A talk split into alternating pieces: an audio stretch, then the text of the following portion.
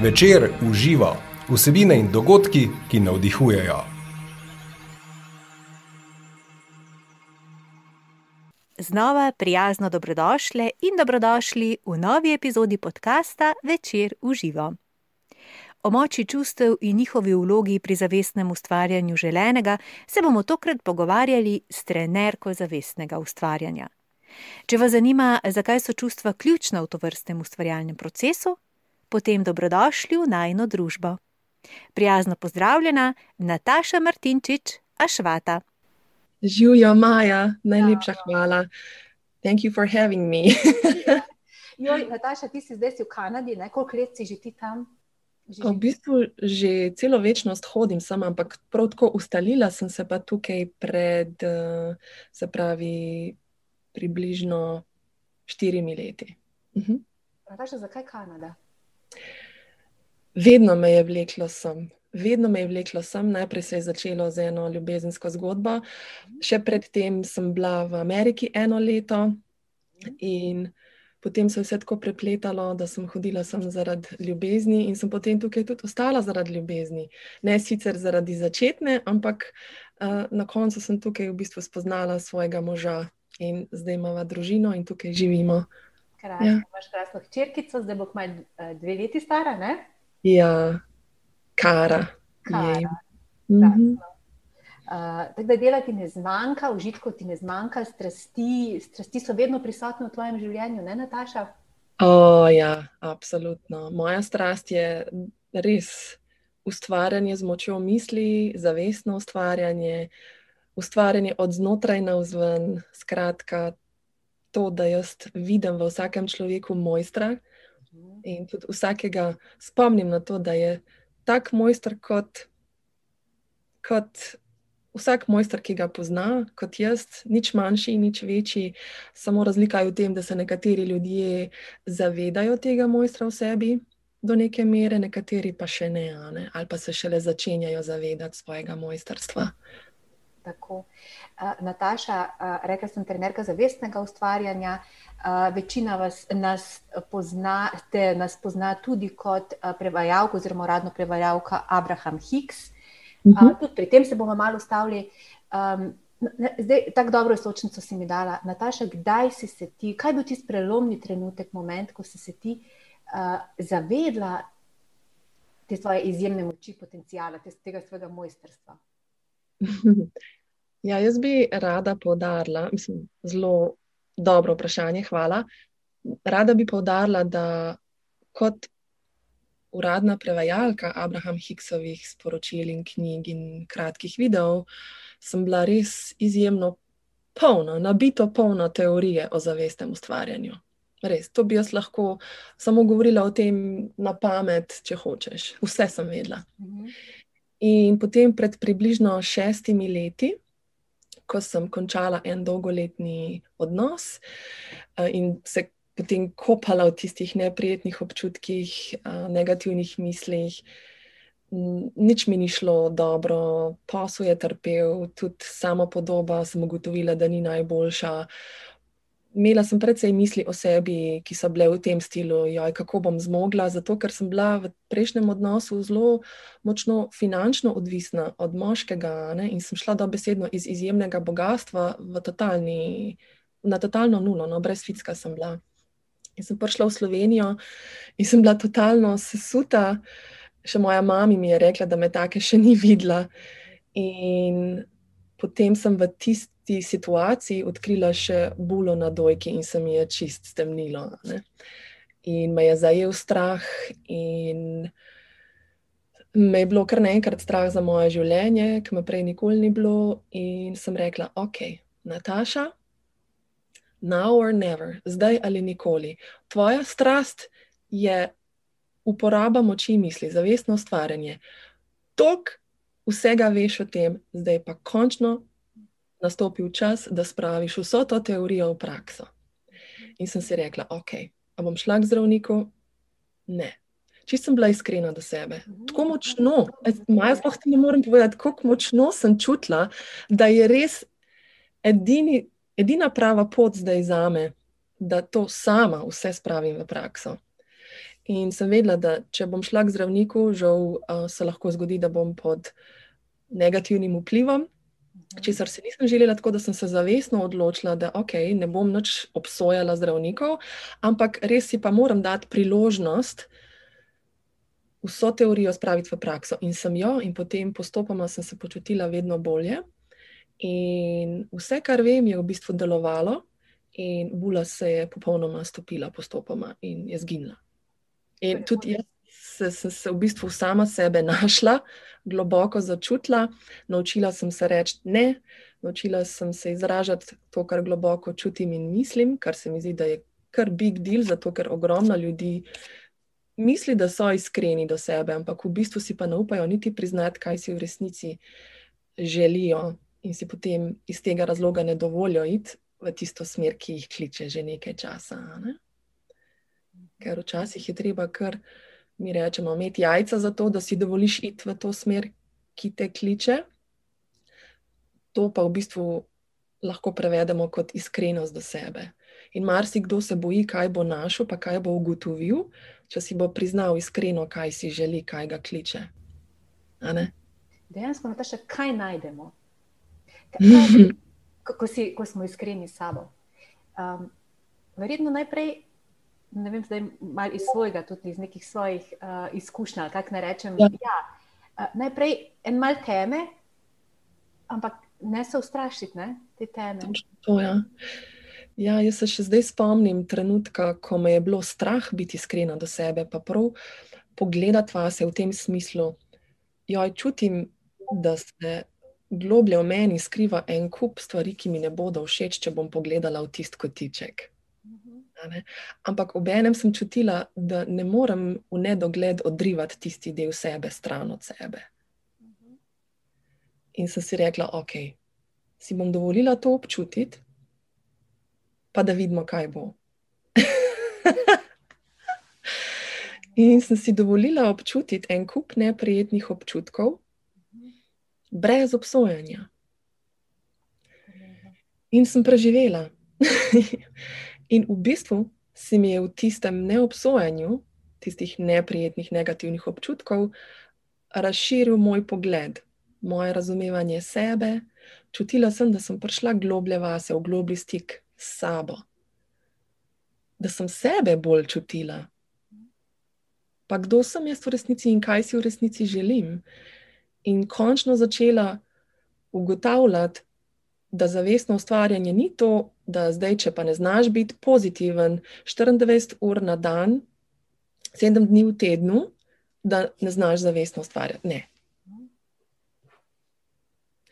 In jaz sem bila v bistvu pred to izkušnjo, pred šestimi leti, taka, da sem mislila, da je z mano kaj narobe, ker nisem znala biti vse čas pozitivna. pa mislim, da kar veliko ljudi ne, se znajde na tej točki da se sprašujejo, kaj, kaj delam na robe, da ne znam biti pozitiven, da si ne znam vizualizirati, da ne vem kaj, da se še ni zgodilo. Ampak ravno to spraševanje, kaj delam na robe, je v bistvu ena od, tako v navedkih, napak. Zato, ker že ta misel. Vedno znova potem pa ustvarja te neželene okoliščine, pa v bistvu ta omejen pogled, oskoglednost, ničesar ne delam na robe, ne samo v redu je, da čutiš to, kar čutiš. It's ok, v redu je, nič ni na robe.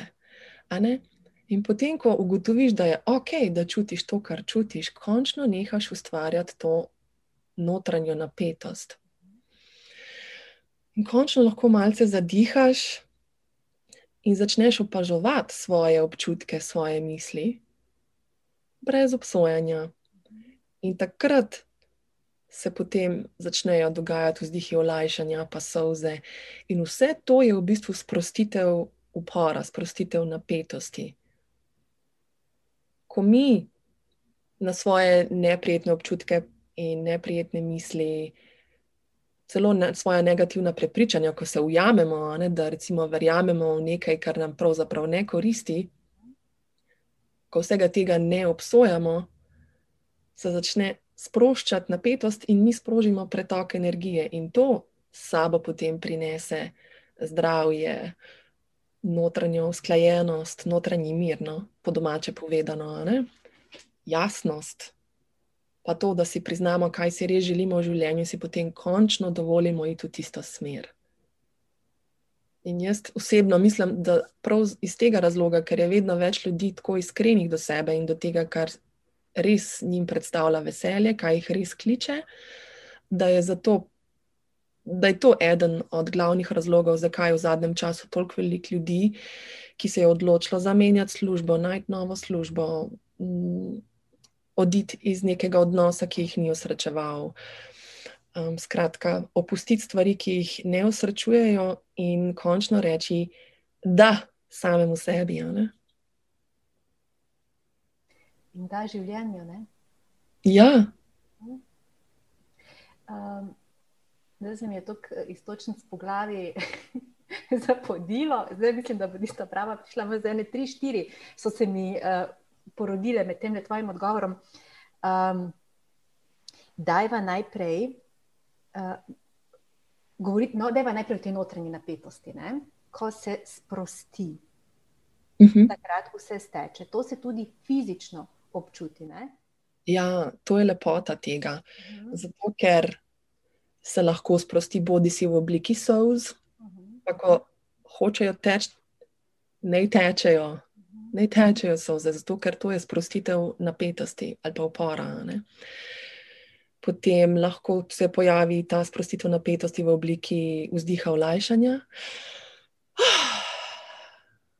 Ali pa se nam zdi, da kar hlastamo po zraku, zato ker končno lažje dihamo.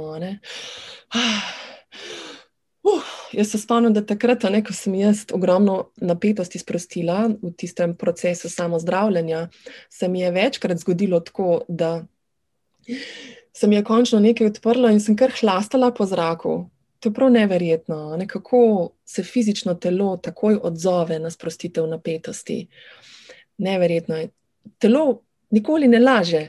In to je nekaj najbolj čudovitega, vedno se odzove na ta vibracijski premik, energijski premik ali pa po domače povedano čustven premik. Lahko se pojavi tudi v obliki smeha, hihitanja, kratka, telo se odzove. Lahko se pojavi v obliki vrtoglavice, zato ker naša naravna energija je zelo, zelo visoka, in potem, ko se napetost sprosti, se, se v bistvu naše telo privaja na višjo vibracijo. Potem pa, ko se sprosti dolgoleten upor, oziroma dolgoletna napetost v telesu, ima pa lahko človek tudi občutek, da mu gre na bruhanje. Tako da v vsakem primeru telo je izjemno inteligentno in se splača biti pozoren na to, kako se odziva, takrat, ko si mi dovolimo brez obsojanja občutiti nekaj neprijetnega in to samo opazujemo. Uh, tokrat si že tole ponovila, brez obsojanja. Uh mhm. -huh. Odčrtala si, se mi zdi, z uh, ja. svojimi poudarki. Ja? Um, Vaše to obsojanje, da, da mogoče malo pojasniva, uh -huh. uh, kako se mi obsojamo. Mogoče je to, tako si sama rekla, da si se da si se ti zelo slabo počutila eno obdobje, ker, oziroma si mislila celo, da je nekaj s teboj narobe, ker se nisi več čas, oziroma večino časa počutila, oziroma nisi občutila nekih pozitivnih misli in posledično pozitivnih razpoloženj. Mhm. Ja. Nisem si v bistvu niti dovolila izražati iskreno ja. tisto, kar sem čutila in mislila, ker sem mislila, da, da moram vedno izražati samo pozitivno, pa lepo. Ja. Halo?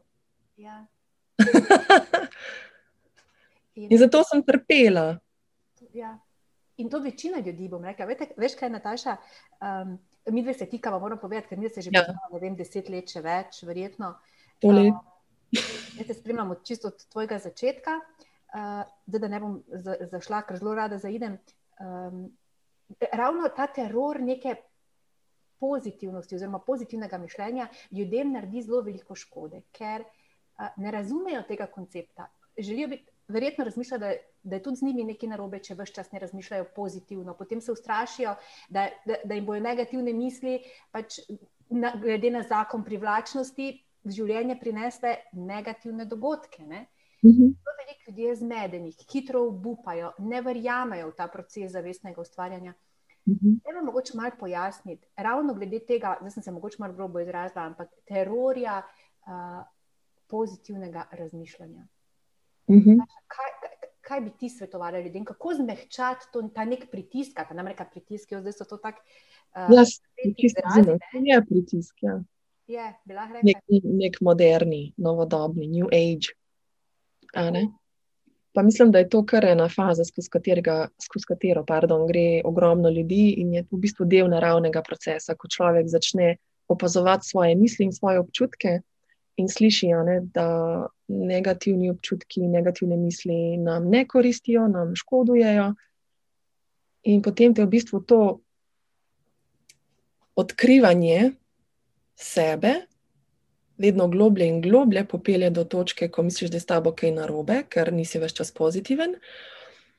Potem pa slediš tej zlati niti, da je pomembno, da delaš tisto, kar je tebi osebno prijetno, ker so nam prijetne različne stvari. In potem postopoma prideš do te točke, ko ti je prijetno in najprijetnejše, in tudi najlažje, ne obsojati sebe. In jaz, recimo, zelo rada izkoristim priložnost, ko sem s kakšno mamo ali pa s kakšnim očetom na liniji in se pogovarjamo, in rečem: Glej, ti si mama. Naprimer. Uh -huh. A se strinjaš, da je tvoj otrok najlepši v celem vesolju? Ja, ne. In a se strinjaš, da se sploh ne da povedati z besedami, kako izjemno rada ga imaš, tvojega voranca? Se ne da povedati z besedami. Ja. In kaj bi ti rekla vorancu, če bi prišel k tebi in bi rekel: Mama, jaz nisem dovolj čeden, jaz nisem dovolj pameten, jaz, meni ne bo nikoli uspelo uresničiti tega, kar si želim. Kaj bi mu rekla? Jaz bi mu verjetno rekla, ne, verjetno jaz bi mu rekla. Uh, če, če sledi tistemu, oziroma če zasleduje strast, mu bo uspelo. Zdaj, če govorimo o nekem uspehu. Ne? Oziroma, hmm. In da jaz verjamem v njega. Ja. ja. Kaj, če bi ti rekel, mama, nisem dovolj pameten, da bi jaz spela? Ja. Kaj bi mu rekla? Da, da je. Samo sprostiti, ja. odpreti se more. Ja, je, absolutno, ni debate. In zdaj, ker vse kar jaz učim ljudi, v bistvu temelji na tej notranji povezanosti s sabo,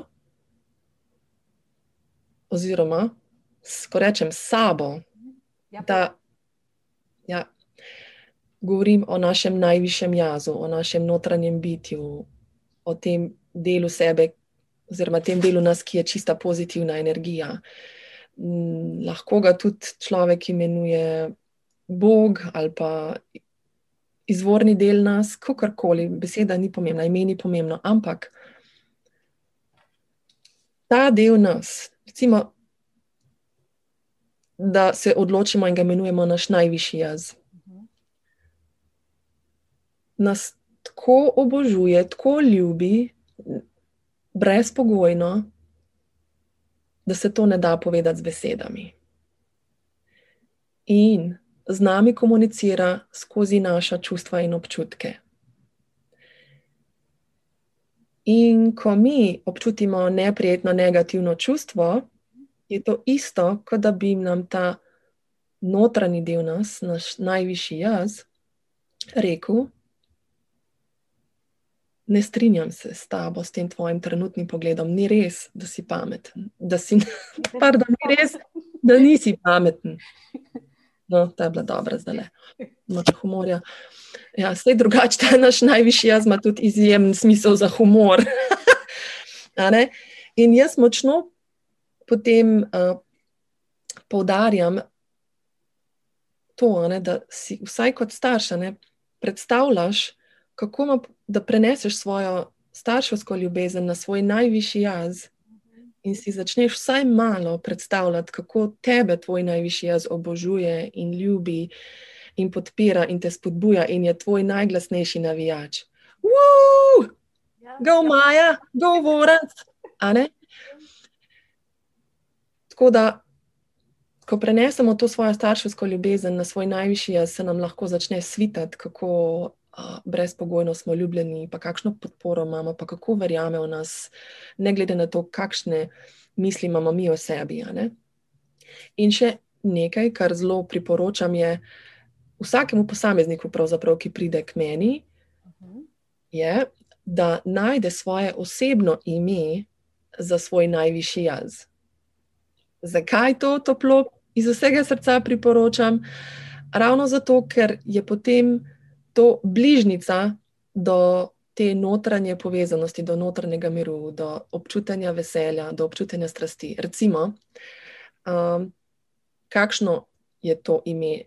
Ime, ki takoj, ko pomislimo na njega, nariše nasmeh na naš obraz, vzbuja občutke lahkotnosti, občutka, da je vse mogoče, da zmoremo vse, čemor, česar se lotimo.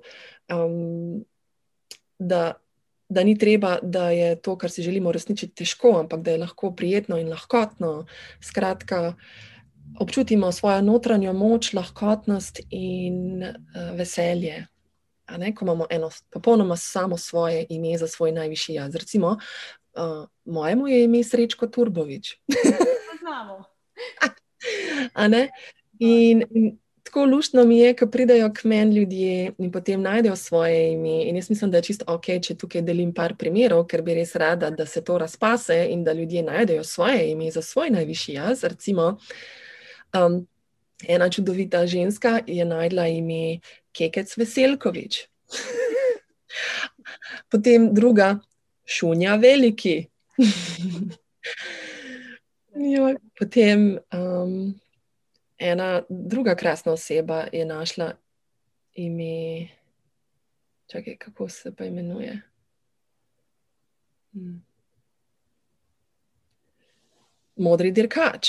Skratka, to je popolnoma osebno, v smislu, samo tebe bo tako nasmehano, samo tebe bo tako izpravljalo dobro voljo, samo v tebi bo takoj ulilo občutek notranje moči oziroma vzbudilo občutek notranje moči. In zato je fajn imeti eno tako ime, ker takoj, ko ga izrečeš, takoj, ko samo pomisliš na njega, začutiš te prijetne občutke. Pa ne, da bi bežal stran pred tem, kar je iskreno zate, ampak je fajn zato, ker v bistvu končno. Pa na hiter način lahko začutiš svojo pravo notranjo moč, svoj notranji mir, lahkotnost in jasnost.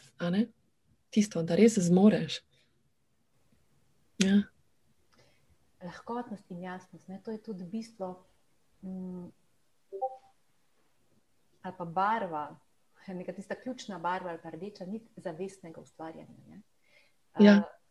Uh, ustvarja se lahkotno in jasno in radostno, daleč od tega, kar smo navajeni, da um, je treba pač za želje malo trpeti, pa zobe stisniti, pa garati. Pa, uh mhm. Vseh teh nekih trdih, um, nekih trdih na svetu, togih. Uh, tu pa zdaj ti, uh, ker obračaš ta, ta proces kar na glavo. Ne? Ja, se sem kar znana po tem, da obračam stvari na glavo. v bistvu opažam, da veliko ljudi se res matra z vizualizacijo, recimo, ali pa z občutenjem želenega. In to je ustvarjanje notranje napetosti, ravno obratno od tega, kar si v bistvu človek želi. Če se matramo vizualizirati, zato da bi nekaj uresničili, ustvarjamo notranjo napetost oziroma upor v energiji in v bistvu upočasnjujemo vse skupaj, upočasnjujemo prihod želenega. Boljše je, da si rečemo, ok, to si želim, zapremo oči, pa se nič ne trudimo in samo pustimo, da pridejo slike k nam ali pa občutek želenega, tako se ljudje matrajo občutiti želeno. Mhm. Mislim, res prav smešno. Zakaj si ne bi tako olajšali stvar? in rekli, ok. Um, vem, kaj si želim. Zaprem oči, pa bom pustila, da k meni pride ta občutek želenega, ne se matrati.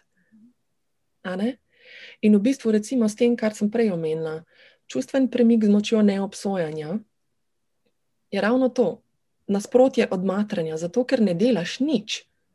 Samo ne obsojaš tistega, kar čutiš, in se potem sama energija odpre. Tvoje celo bitje se odpre. Zato, ker končno nehaš ustvarjati napetost. Tako da meni je matranje itak tako, čistuje. Tisti ljudje, ki me dobro poznajo, točno vedo, da če meni ni do nečesa, mi ni in se sploh ne bom sila. In um, me res navdihuje, kako to vedno deluje. Pa fajn je na to pogledati, kot recimo, če, če nečesa ne čutimo, da bi, uh mhm. -huh. pač še ni zrelo. In, in nima smisla trgati zelenega, grenkega jabolka z drevesa, ali boš počakati, da dozori na sončku, ker bo potem toliko bolj sočno. Ljudje pa hitijo trgati zelena jabolka z dreves in se potem sprašujejo, zakaj tako grene kokus. Ja, seveda, ker to je ključno. Ne sledijo sebi, ampak verjetno želijo zadovoljiti neka pričakovanja ali pa neke roke. Ne? Uh mhm. -huh. In ja. se silijo v neke akcije, kar še tudi pri nas zmeraj velja, da si pa če si pridn, ne, uh. -huh. ima tudi ta nek upor v sebi, oziroma upor, odpor, pa potem pa nekaj velaš. Ne. Uh mhm. -huh. ja. Sej, jaz bi rekla, da obstajata dve vrsti pridnosti v navedkih. Ena je tista, kjer se človek sili, sili in matra, druga je pa tista, kjer v bistvu ustvarja iz veselja do tistega. Um, in ja, res, potem pa ljudje v bistvu ne vedo, so kar mal zgubljeni, kako pa naj potem uresničim to, kar mi veliko pomeni, pa se ne trudim za to, nekaj mi ni jasno. In potem tukaj stopim jaz, pa si rečem, pa jim rečem, okay, dovolj si občutiti. Karkoli pač občutiš v zvezi s tem, kar si želiš, recimo, kakšen občutek vzbuja trenutna situacija, recimo to, da sem pod totalnim stresom ali pa strah. Potem si pa dovolj občutiti ta občutek totalnega stresa, brez obsojanja in opazuj, kaj se dogaja. In se bo dobesedno dvignil tisti občutek, in se bo tako premaknil skozi telo in ven, in bo zginil. In ga bo nadomestil prijetnejši občutek, obenem pa širši pogled na situacijo. Tako da v bistvu na tak način, ko se mi dovoljimo nekaj neprijetnega občutiti brez obsojanja, hmm, dozori prej, Zato, ker je vse energija. Zdaj govorimo o drugačnih jabolkih. Razumem. Mhm. Na vse naprej pa je sploh treba dojeti, oziroma ponotranjiti to dejstvo, da je vse energija. Ne? Mi smo pač zdaj, večina še deluje iz tega, kako ne rečem, kako se reče, tega materialističnega pogleda ali pa prepričanja. Ne? 3D. In, in težko dojamejo, da se uh, zadeve, oziroma želje in vsa materija najprej sprovede na energijski ravni. Ne. Ja, ja. Mm. Ni treba verjeti samo v tisto, kar vidimo s fizičnimi očmi, ampak je v bistvu glavna resničnost je tisto, kar mi občutimo znotraj sebe, to, kar se dogaja znotraj nas. In ko mi to razumemo kot glavno resničnost, potem lahko končno opazimo, da hej, sej ni čudno, da se ujema moje notranje počutje s tem, kar se dogaja v mojem zunanjem svetu. In ko začnemo skrbeti za prijetno notranje počutje, za notranji mir, se potem začnejo kazati rezultati tega v zunanjem svetu. Ja. Zunanje sledi notranjemu. Ne? Točno tako. Ja. In, in to je v bistvu ključno, res, da, da začnemo priznavati resničnost tega, kar čutimo, pa se tega ne bati. Mhm. Če nam ni všeč, enostavno tistega ne obsojamo in se potem poleže oziroma izgine. Zato, ker dokler mi neko neprijetno, negativno čustvo odrivamo stran od sebe, je to isto, kot da govorimo: Pej stran, nočem te, ker imaš preveč velik vpliv na mene, bež, bež, bež, bež. Se pravi, tako da se bojimo tega dela sebe. Ko pa končno nehamo odrivati stran od sebe, je pa končno naša energija, naša vibracija v naših rokah in smo mi šefi svoje resničnosti. Zato, ker se ne bojimo neprijetnih občutkov in res se nam jih ni treba bati, samo razumeti jih je treba kot sporočilo našega najvišjega jaza, ki se trenutno ne strinja z našim osebnim pogledom. Ampak potem pa me nekdo vpraša, ja, Nataša, kaj pa če bi recimo stal nad prepadom, pa občutil neprijetna čustva, a to pomeni, da se ne strinja moj najvišji jaz z mano, da lahko skočim noter? Ne. Moramo tukaj um, razčistiti. Ne? Neprijeten občutek pomeni, da tvoj najvišji jaz ali pa tvoje notranje bitje ti sporoča, da ti ni treba tja hoditi v mislih, besedah in dejanjih. Ja. Zelo močno, zelo. Hmm.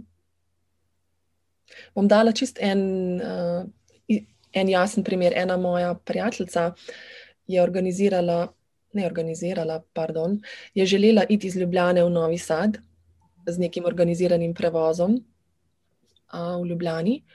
Počakala je na avto, se pripele avto, odpre vrata in jo je kar srh spreletel. Notor je sedela ena starejša ženska, pa en mladenič, ampak ko jih je pogledala, je rekla, da je takoj strah zajel in da je rekla, ne, ne morem se usesti ja noter. In rekla, Um, se upravičujem, sem že našla prevoz, lep dan vam želim, čau, pa je zaprla vrata in se ni noter usedla. To je to. Ravlinci. Ja, to je to. To je notranje vodstvo. Niti treba iti tja v mislih, besedah ali dejanjih, če ne vzbuja prijetnega občutka. Toliko močno smo vodeni, da joj, to je noro, res, to je noro. Jaz včasih še po letih dobim, recimo, da me kar naprej spremlja en občutek, glede določene situacije ali pa osebe, pa ne vem odkud. Ampak zdaj sem se naučila zaupati sama sebi, in potem včasih šele po nekaj letih dobim potrditev, oziroma se pokaže, zakaj sem tako čutila. Uh, zato pa res spodbujam ljudi, da si dovolijo razumeti sporočilo, razumeti ulogo in vrednost svojih čustev, pozitivnih in negativnih. Oboje je izjemno pomembno, tako kot zelena, rumena in rdeča luč na semaforju. Tako da ne odrivati negativnih čustev stran od sebe, samo razumeti jih je treba. Recimo, če se še en primer bom dala. Um, moja najboljša prijateljica, Bernarda, um, je pač občutila v zvezi z nečim, kar sem jaz rekla, neprijetne občutke, nekaj je razjezila. Predkratki. Ja, ampak tako fajna, ne? ker ona tudi orang zdaj razume zavestno ustvarjanje, ni se z mano pogovorila v tistem jeznem občutku, v tisti jezi. Ampak je pravzaprav počakala, Pa dovolila, dovolila si je občutiti tisto jezo brez obsojanja, in potem, ko je minilo, je rekla: Ok, zdaj se pa lahko pogovorim z Natašo. In sva se pogovorili in sem imela tak čudovit pogovor, da sem tako ponosna na njo. In tako lepo mi je, pa jasno mi je povedala tisto, kar mi je želela povedati, in to se je tudi popolnoma ujemalo s tem, kar sem tudi jaz čutila, da je bilo. Ma, tak fantastičen pogovor in je potem samo poglobil najno prijateljstvo. Ne? Ker če bi pa šla z mano se pogovarjati v tisti jezi, nepremišljeno, ne? se pravi, jezo je občutila, negativno občutek in je želela tudi z mano govoriti. Tisto sporočilo je bilo, niti treba hoditi tja v mislih, besedah in dejanjih, ko se počutiš neprijetno. Ne? In potem ta bolj zavesten pristop, bolj premišljen pristop, je omogočil čudovit, fantastičen, globok, juicy, iskren pogovor z mano in wow, kakšni sadovi pogovora. Noro. Res. Noro. Ja. Sploh opažam, ko te spremljam, zelo lepe zgodbe imaš, res imaš uspehe pri teh svojih, um, kako ne rečem, niso to ravno klienti, kako bi to rekel, klienti, oziroma tiste, s katerimi imaš pač trening zavestnega ustvarjanja. Uh -huh. um, jo, kakšne presunljive, uh, močne, um, sončne, sočne zgodbe deliš. Uh, uh -huh. Hvala. Ja. Ja, z Bernardo smo se pravzaprav spoznali na eni od mojih delavnic, in potem se je odločila za treninge z mano. -huh. Kasneje smo postali prijatelji. Ampak ona ima zelo močno zgodbo. Tudi, recimo, ona je šla od, um, kako rečemo, temu, psihiatrične institucije do tega, da je opustila štiri različne antidepresive, ogromno shujšala, začela znova delati in ljubiti življenje. In njena hči je rekla, da je končno dobila svojo mamo nazaj. ja. Potem um, neka Mateja je brez tablet spravila izjemno zaskrbljujočo raven sladkorja v krvi na popolno, čudovito normalo, izgubila 12 kil, našla svoje poslanstvo, poleg tega pa še znova zanetila ljubezen in strast v svojem odnosu. Potem eh, neka vesna je zgradila izjemno močno, zdravo samopodobo, našla svojo notranjo moč s pomočjo teh čustvenih premikov, ki, se ki se jih je naučila delati, in rešila leta cirkusa v svojem odnosu. Mm. Potem neka druga vesna je bila totalno zmedena glede tega, kaj bi delala v življenju, oziroma svojega poslanstva ga je našla in ga zdaj živi, ima čudovit svoj lasten posel. Skratka, k meni ljudje pridajo zato, da se globoko povežejo s sabo in da potem iz te globoke pristne povezanosti ustvarijo uh, zdravje, srečo in živijo svoje poslanstvo.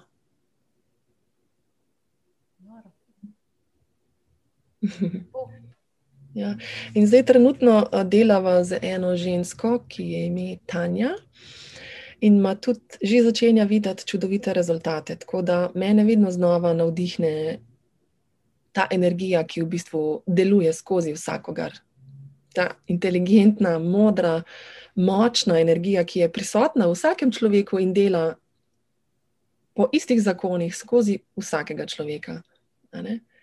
Recimo je zdaj. Um, dobila uh, izvid krvi, imela zelo malo leukocitov v krvi in so porasli, zelo velika razlika. In uh, ogromno napetosti se je sprostilo, se počuti veliko boljše, kot se je. Skratka, očitno privlačim ljudi, ki si želijo delati na svojem zdravju, na ljubezni do sebe, splošni sreči, pa na tem, da živijo svoje poslanstvo. Mhm? Ja, ker je to tudi to, kar sem jaz naredila zase, tako da lahko direkt iz svojih izkušenj govorim. Mhm.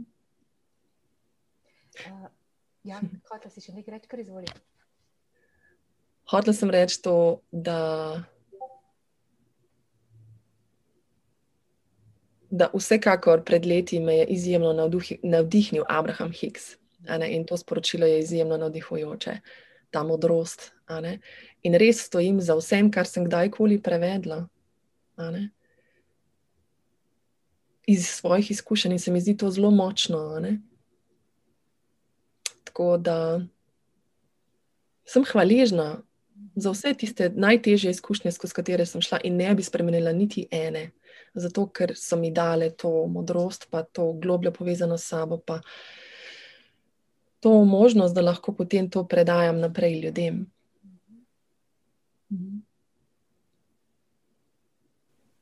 Krasno. Uh, Nataša, zadnjič me je tudi učaral ta tvoj uh, en, en, eno video javljanje. Mhm. -huh. Tam si se dotaknila, pa vem, da si se že prej in meni je to bilo všeč, uh, podzavestnih vzorcev, oziroma teh uh, saboterjev, ali kak, kak, ne vem, kako jim še vse strokovno rečejo, ki zelo veliko krat um, rekla, nas ne podpirajo in potem mi vrtamo po njih, kopljemo jih, spreminjamo. Ampak ti si dala en tak fantastičen, uh, osvobaja, bom rekla, lahkoten in osvobajajoč pogled Mhm. uh, o, tej, uh, o, lede, o uh, ledeni gori in o oceanu. Mhm. Pa nam lahko to deliš z nami, ker jaz ne znam to povedati, ti si pa to povedala res lepo no, in, in, in jasno. In, oh, meni je. Ampak jaz sem se spomnila, da to že vem. Ne? Mhm. Si me spomnila na to, že vedenje, vse ta vedenja so že v nas. No? Ja. Um, tako lepo in, in bi želela, če še mogoče lahko neki skrajšani, oziroma če lahko vzameš to razmišljanje. No? Z veseljem, hvala. Ja. Skratka, vsakdo je močen, mogočen, mojsterski ustvarjalec svojega življenja. In karkoli, kar vzbuja občutek, ki ni blizu temu, enostavno ne spada v človekov čudovit um. In ena taka stvar je, naprimer, prepričanje, ki je bilo popularizirano v začetku 20. stoletja. In zato je zaslužen dr. Sigmund Freud, brez zamere, gospod Sigmund Freud, ampak res moram izraziti to, kar globoko čutim in sem se tudi naučila. In sicer to prepričanje, ki izhaja že od takrat, je, da v naši podzavesti se skriva ogromno zelo motečih stvari, globoko motečih stvari, ki močno vplivajo na naše občutke, motive, odločitve, in da lahko le malo storimo v zvezi s tem, ker se tega enostavno ne zavedamo. Zdaj, kakšen občutek to vzbuja v tebi? Halo. To je nemočno. Ne? Ja, I can do nothing, oh my goodness. Ne?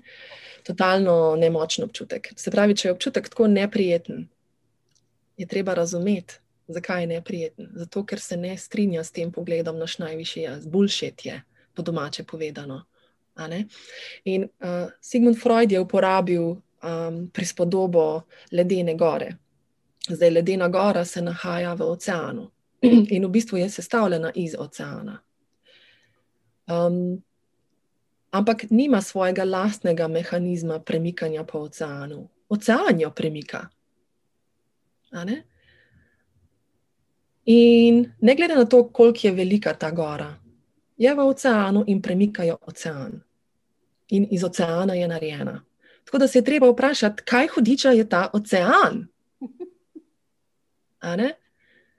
In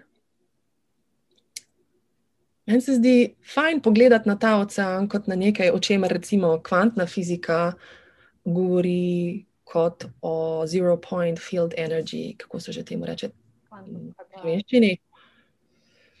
Tudi kvantno polje, ne? Oziroma... Kvantno polje, točka ničelne energije, um, se pravi, lahko to imenujemo izvorna energija, uh, življenjska sila, življenjska energija, energija življenja. Abraham reče temu vortex, Či- ne? Ne, izvorna energija. Uh -huh. Ja, izvorna je. Ja, a ne? Skratka, ne glede na to, kako mi to energijo, ta ocean imenujemo, ocean je tam. In misli in občutki, ki jih mi občutimo, so kot valovi tega oceana, ki butajo na obalo našega zavestnega zavedanja. In nas v bistvu premikajo skozi življenje in vodijo skozi življenje, tako kot ta ocean premika in vodi to ledeno goro po oceanu. Tako da, who cares, koga briga, koliko je velika ledena gora, pa kaj vse se skriva v podzavesti. Zato, ker tudi našo podzavest sestavlja ta izvorna energija, tako kot ledeno goro sestavlja ocean. In zato nas v bistvu ta energija vodi mimo kakršnih koli neprijetnih prepričanj, negativnih prepričanj, omejujočih prepričanj. In tudi ni pomembno, kakšne travme smo doživeli v preteklosti, ali pa če recimo doživljamo posledice eh, recimo, tega, da nas je nekdo um, zapustil v življenju večkrat, ali pa v mladih letih, ali pa da, kako bi rekla, da je nekaj naredil za našim hrbtom. Ni pomembno, kaj se je zgodilo negativnega v našem življenju, zato ker nas ta sila vodi mimo vsega tega, skozi naše občutke in čustva. In zato je pomembno, da razumemo jezik svojih čustev in občutkov. In that's it. Konec zgodbe. In, in to je tako, wow, to je tako, tako odpihne. In, in bolj sem se, zakaj to tako uh, vibrira z mano? Zato, ker sem bolj lena po naravi, ker jaz ne bi brskala po svojih podzavestnih vzorcih. Super, ljudem, ki pomaga, da pač grejo raziskovati podzavestne vzorce, vsak ima svojo pot, vsak ima svoj način. Ja, absolutno. Ampak ta lahkotno si podprla to mojo lenobo glede tega.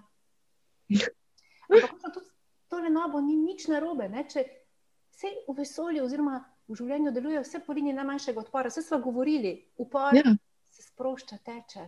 Ja, vse veliko ljudi misli, da je to lenoba, ampak v bistvu ni. Zato, ker je treba razumeti jezik te energije, ki jo občutimo v sebi. In dokler mi ne priznavamo te notranje resničnosti, se lahko matramo in matramo in kopljemo in kopljemo, in ne bomo nikoli prišli do dna.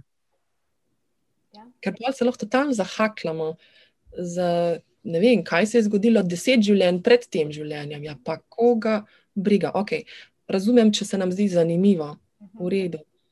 Ampak pomembno je, čemu mi namenjamo pozornost zdaj. Zato, ker naša pozornost je zlato.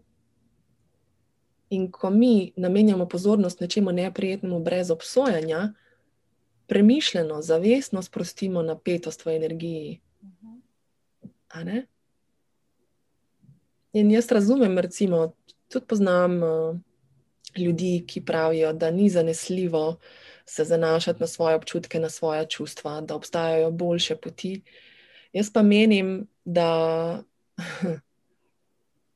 mogoče so na prvi pogled začasno boljše, ampak ne moramo se izogniti temu, da pridemo do te točke, slejko prej, ko si moramo dovoliti prisluhniti temu. In v bistvu se potem skozi, v angleščini rečejo, trial and error, skozi različne napake, res naučimo orang prisluhniti sebi in tudi orang vedeti po občutku. Uh, ali ja ali ne. ne? Ker če, ne, če se ne začnemo zanašati sami na sebe in zaupati tej notranji inteligenci, potem lahko, lah, nas lahko kdorkoli vodi za nos z nečim, kar ima za pokazati, recimo z nekimi fizičnimi dokazi, ampak če občutek nekaj govori, da ni prav, potem kaj bo za nas bolje, da si prisluhnemo ali ne. ne? In jaz mislim, da, da je res veliko bolj koristno, če si dovolimo verjeti, da nas ta inteligentni, neskončno inteligentni del nas vodi mimo omejujočih prepričanj. In da se res ni treba hakati za njih, zato ker v bistvu bolj, ko jim, ko jim posvečamo pozornost, pa večjo težo, ko jim dajemo, večjo moč imajo nad nami. Halo. Tako da, ja, spet smo obrnili nekaj na glavo. Ja. ja, in to tvoje obračanje na glavo um, sproža dobre, lahkotne občutke. Ker dviga težo telesa. Um, ja, no, dej, sem tole, zdaj sem se spomnila. Uh, Nataša, recimo, smo med odločitvijo, čist praktično bomo spet. Uh, uh -huh imaš na nekem razpotju, ne? sem na nekem razpotju, um, zdaj imam vem, dve, tri možnosti, kako se odločiti. Mhm. kaj svetuješ, oziroma ravno v tem tvojem konceptu tvojega uh, razmišljanja oziroma delovanja. Jaz bi se, obču, uh, jaz bi se občutila.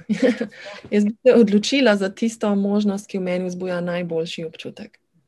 Zdaj pa, če, če so vse tri možnosti prijetne, je ena sigurno najprijetnejša. Tako da bi si vzela čas in bi občutila vsako posebej, totalno iskreno in se šele potem odločila.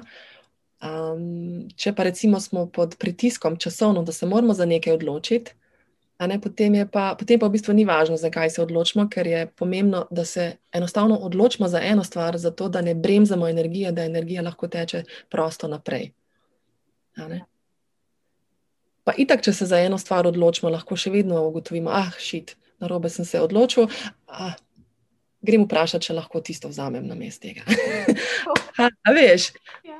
bolje, recimo, bo že bil, mislim, da tale, kako mu je ime?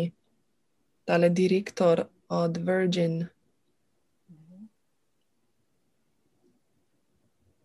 No, v glavnem, en izjemno uspešen moški je rekel, da se raje opraviči, kot pa da v štartu naredi nekaj, kar v bistvu mu ne bi bilo za narediti. Mhm. Ja, to je pa tek pet na svet. Zelo preprosto. Ja. Mhm um, jo, Nataša, toliko je. Fajn si, no? zelo, zelo si navdihujoča.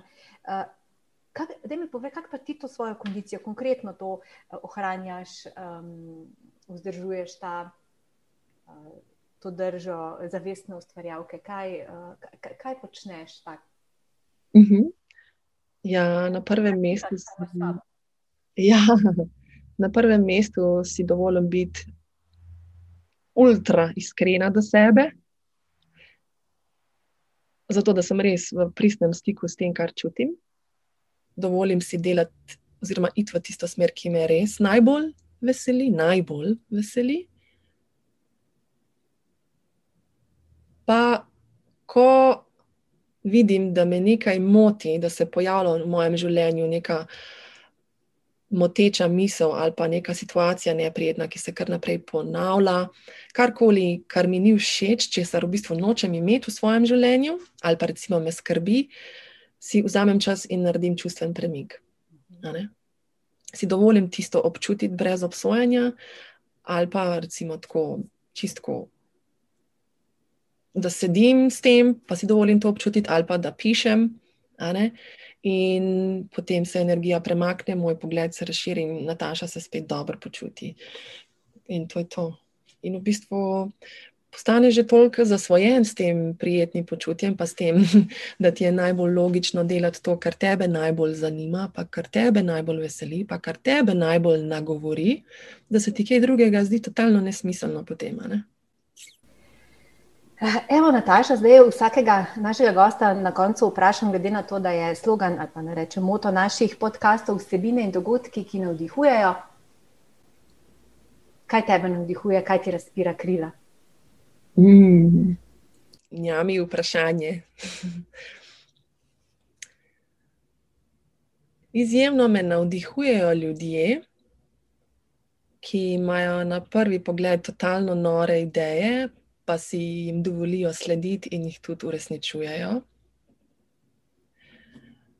Um, recimo, tako kot nekatere uspešne ženske in moški, ki jih poznam. Me pa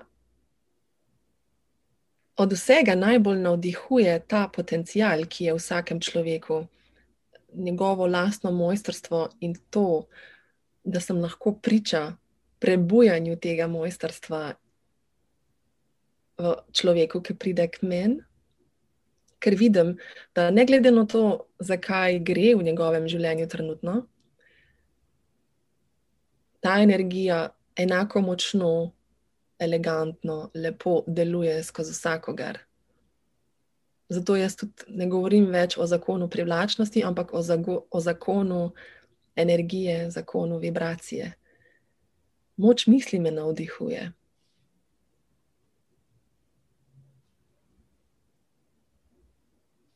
In resnično, no, ko vidim ljudi, kot so recimo Elon Musk, mislim, halono, on hoče iti na Marsa. Ne? In on je bil mnenje, mislim, to mogoče zdaj ni za marsikoga realno, da bi si jaz izbrala njega, da me navdihuje, ampak taki ljudje me navdihujejo, ki si dovolijo slediti temu, kar si res želijo, pa če se celemu svetu zdi totalno nerealno. Mislim, kaj še lahko večji zgled tega, da posluša samega sebe. In je toliko brihten, da se je obdal z brihtnimi ljudmi. Se ni treba, da ima on vse odgovore. Se nam ni treba imeti vseh odgovorov na dlani za to, kar si želimo uresničiti.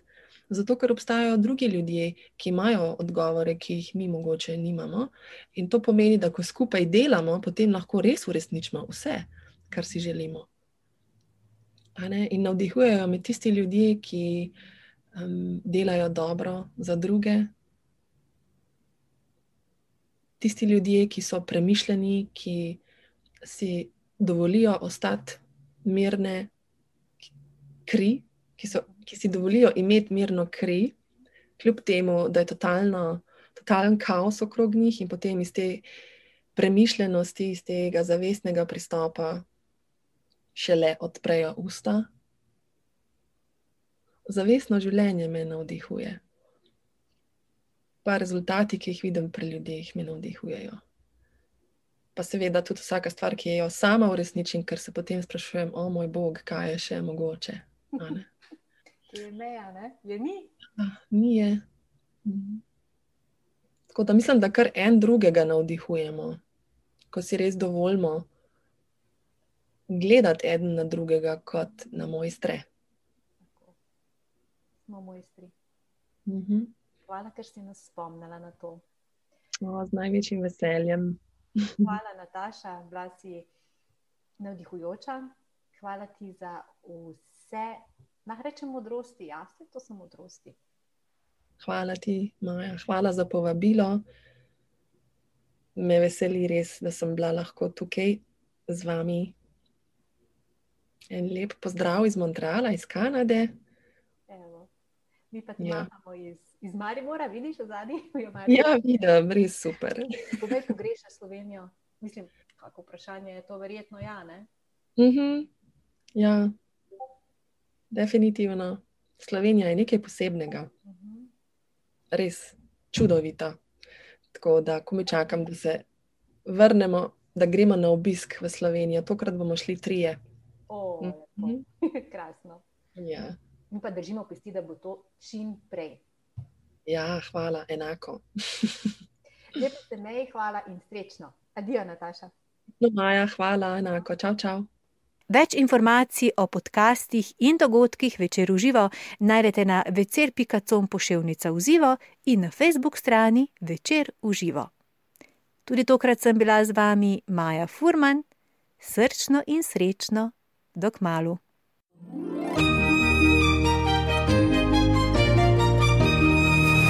Večer uživa vsebine in dogodki, ki navdihujejo.